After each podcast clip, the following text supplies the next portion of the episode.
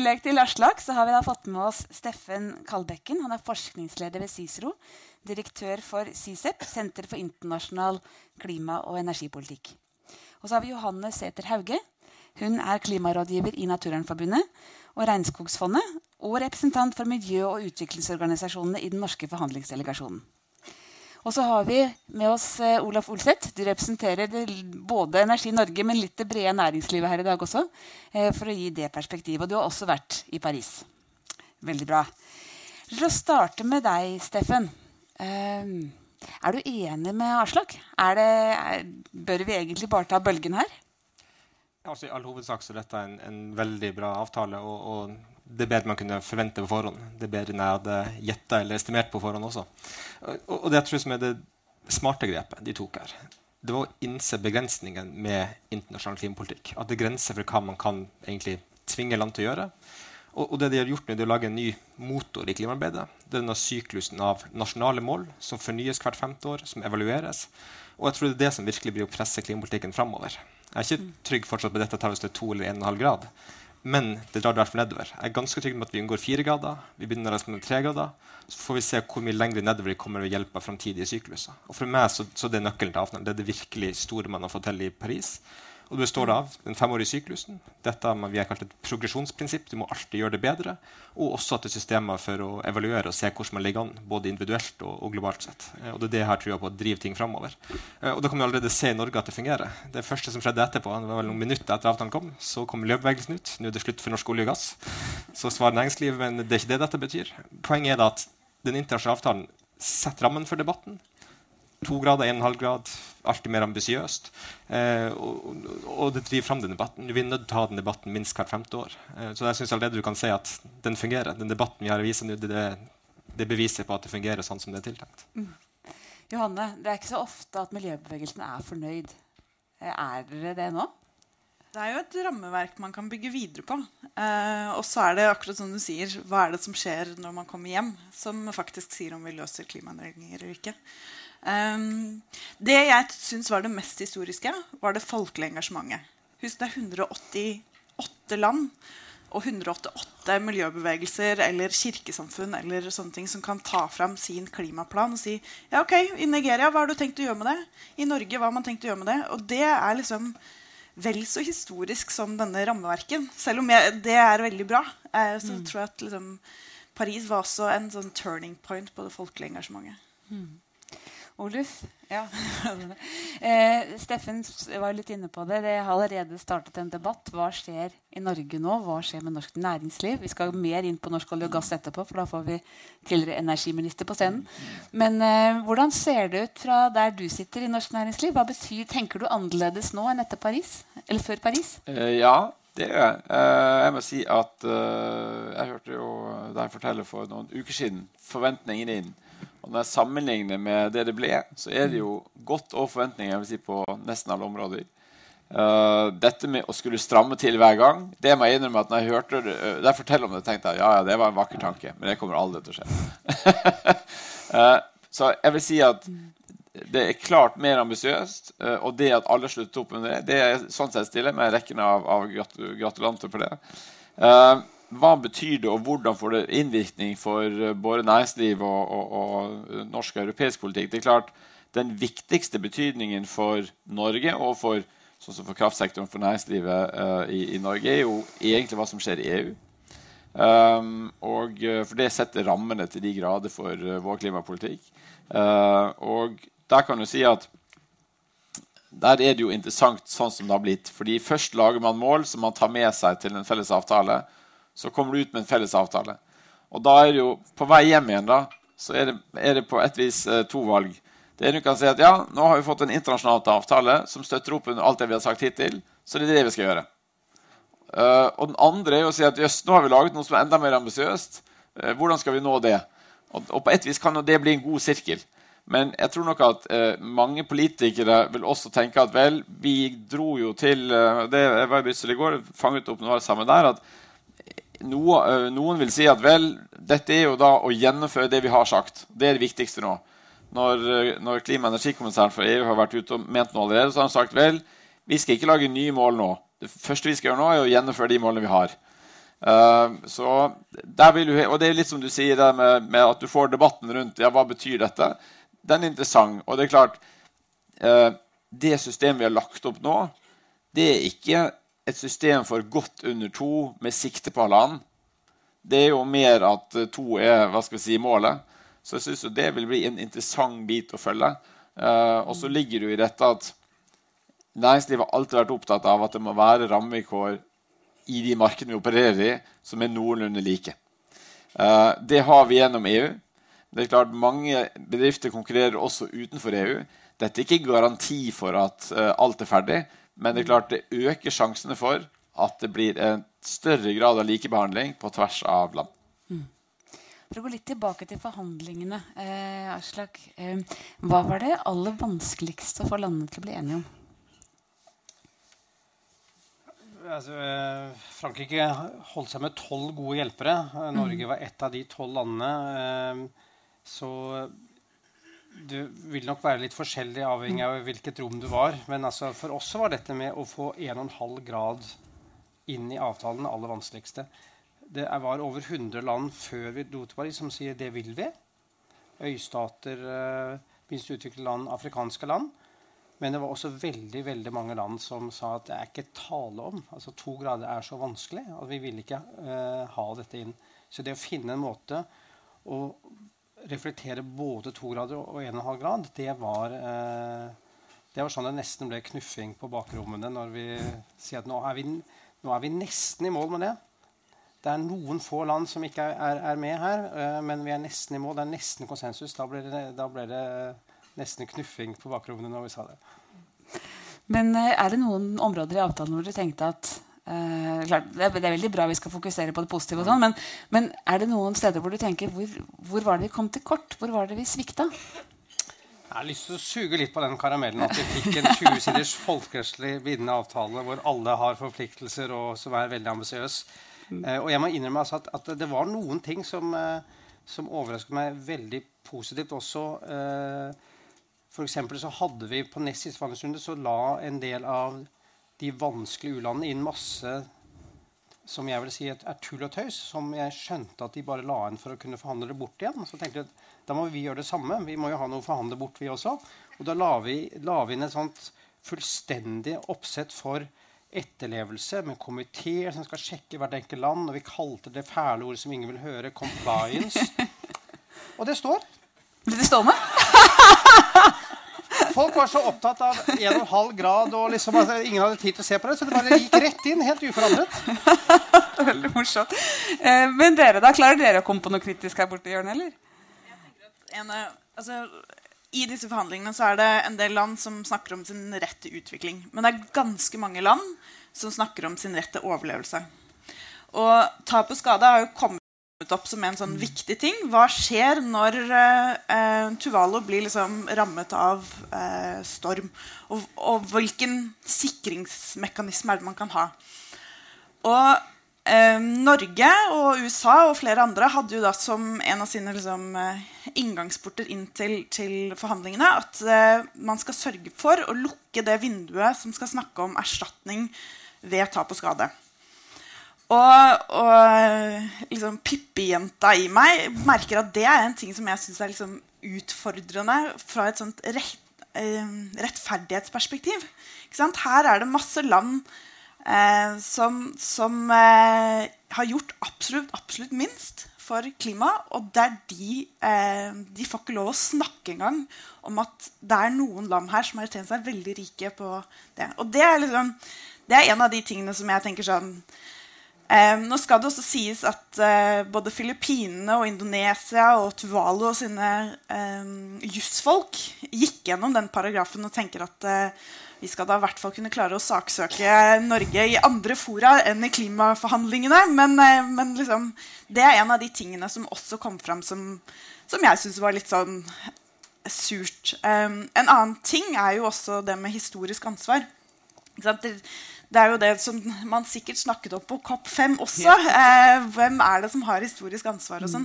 Og jeg tenker at eh, hvert fall vi som norsk eh, folkelig bevegelse må liksom holde den parolen oppe. fordi selv om alle land har eh, et ansvar for, for å levere og skal rapportere, og sånne ting, så er det fortsatt sånn at det er noen land som har skapt mer av denne klimaendringene enn andre.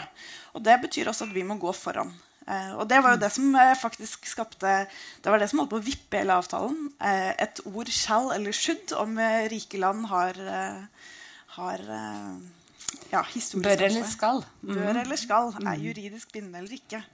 Steffen? Én ting som glapp ut av avtalen i siste uke, var jo å passe på internasjonal skipsfart og luftfart.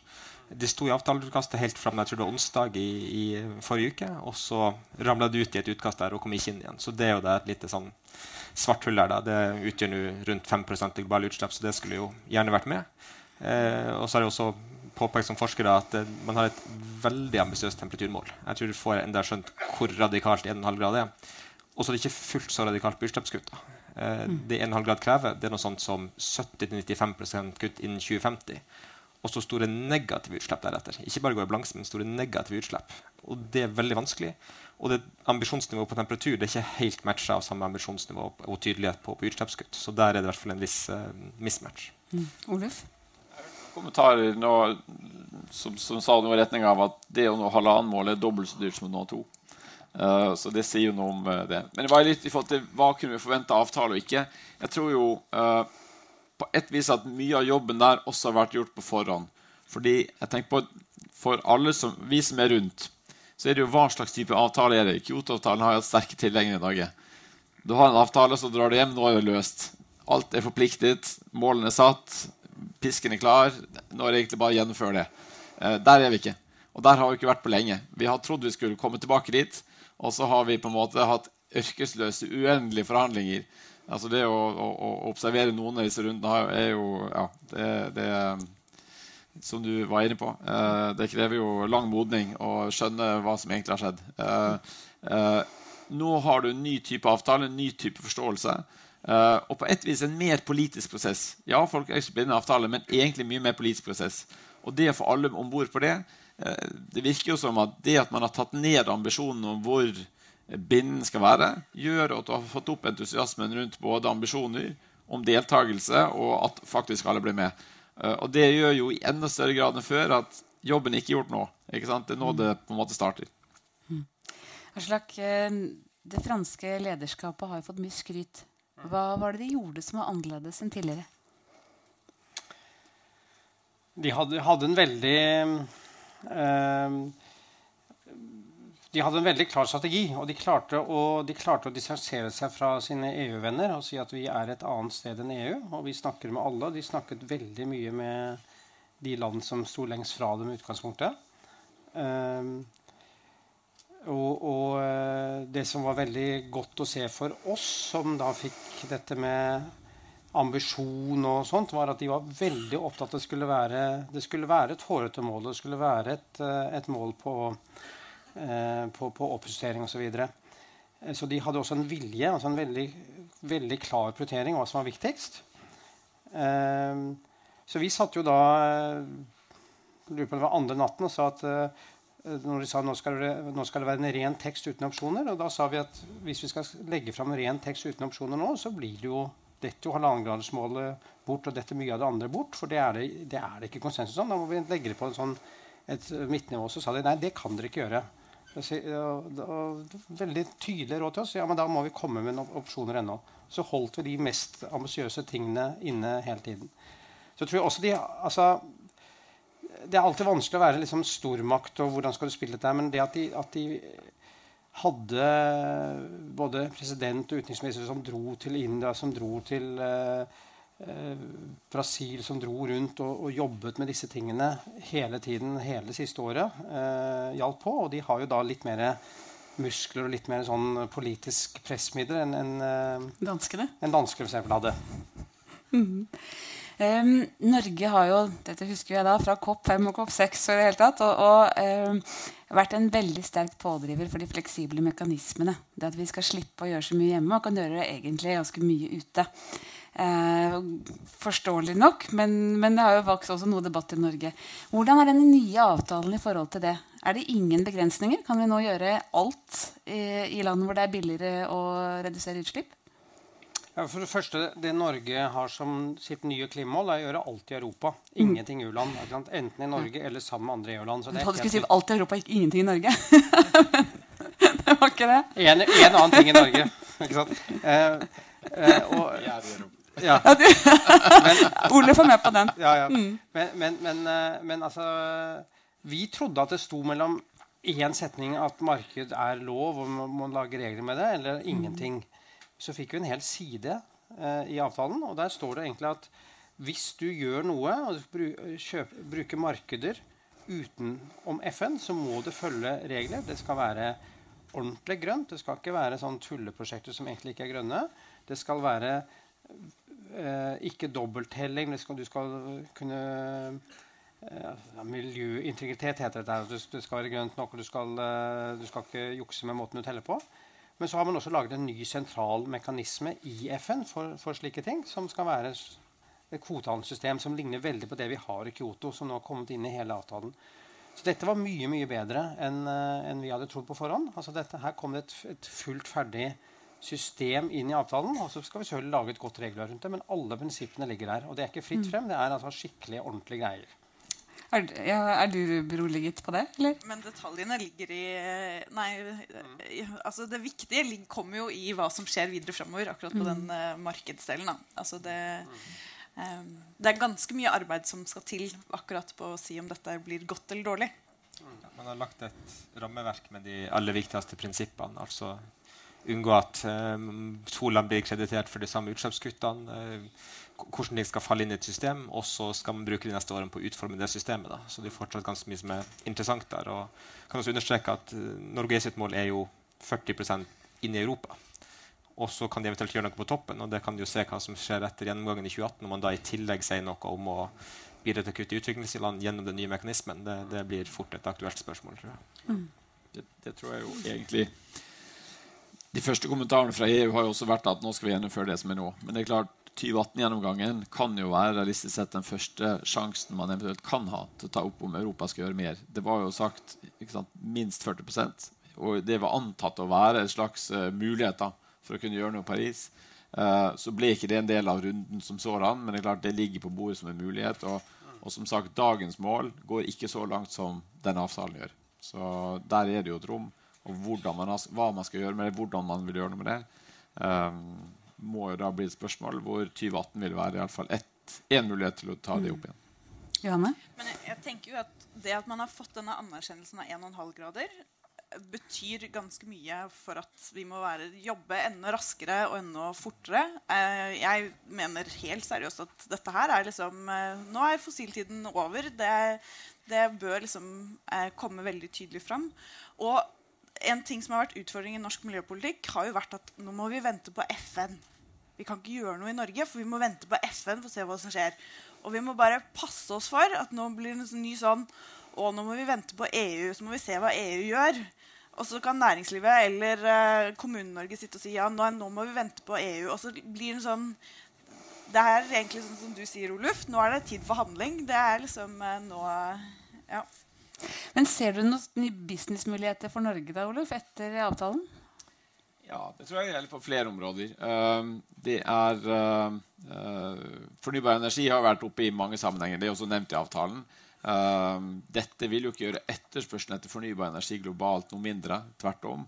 akkurat hvordan det slår ut, akkurat hvordan mekanismene ser ut, ja, det har vi ikke detaljene på.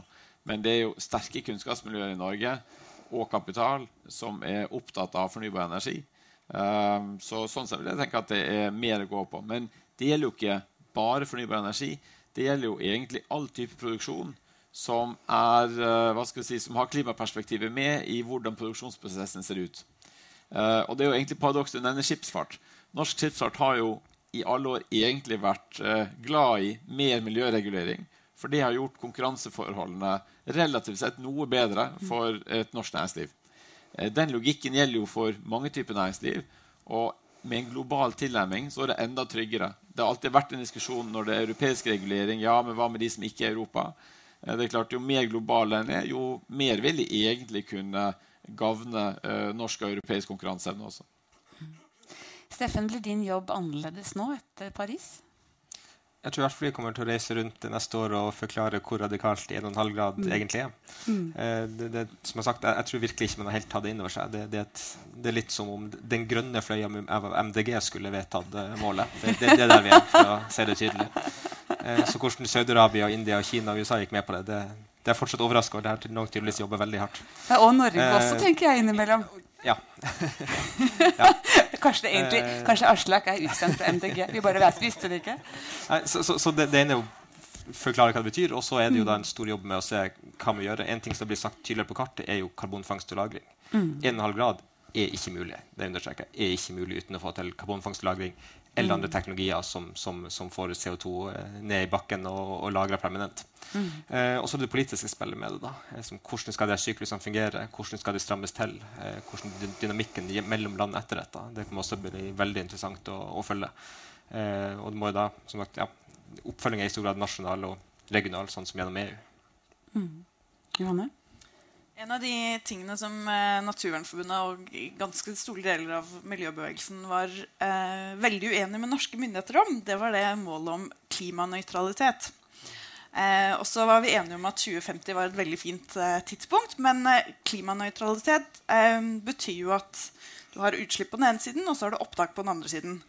Og så er hvor mye du skal få slippe ut, og hvor mye du skal ta opp i skog, f.eks., avhenger av Eller det, det, har man ikke noe sånn er lik så og så mye.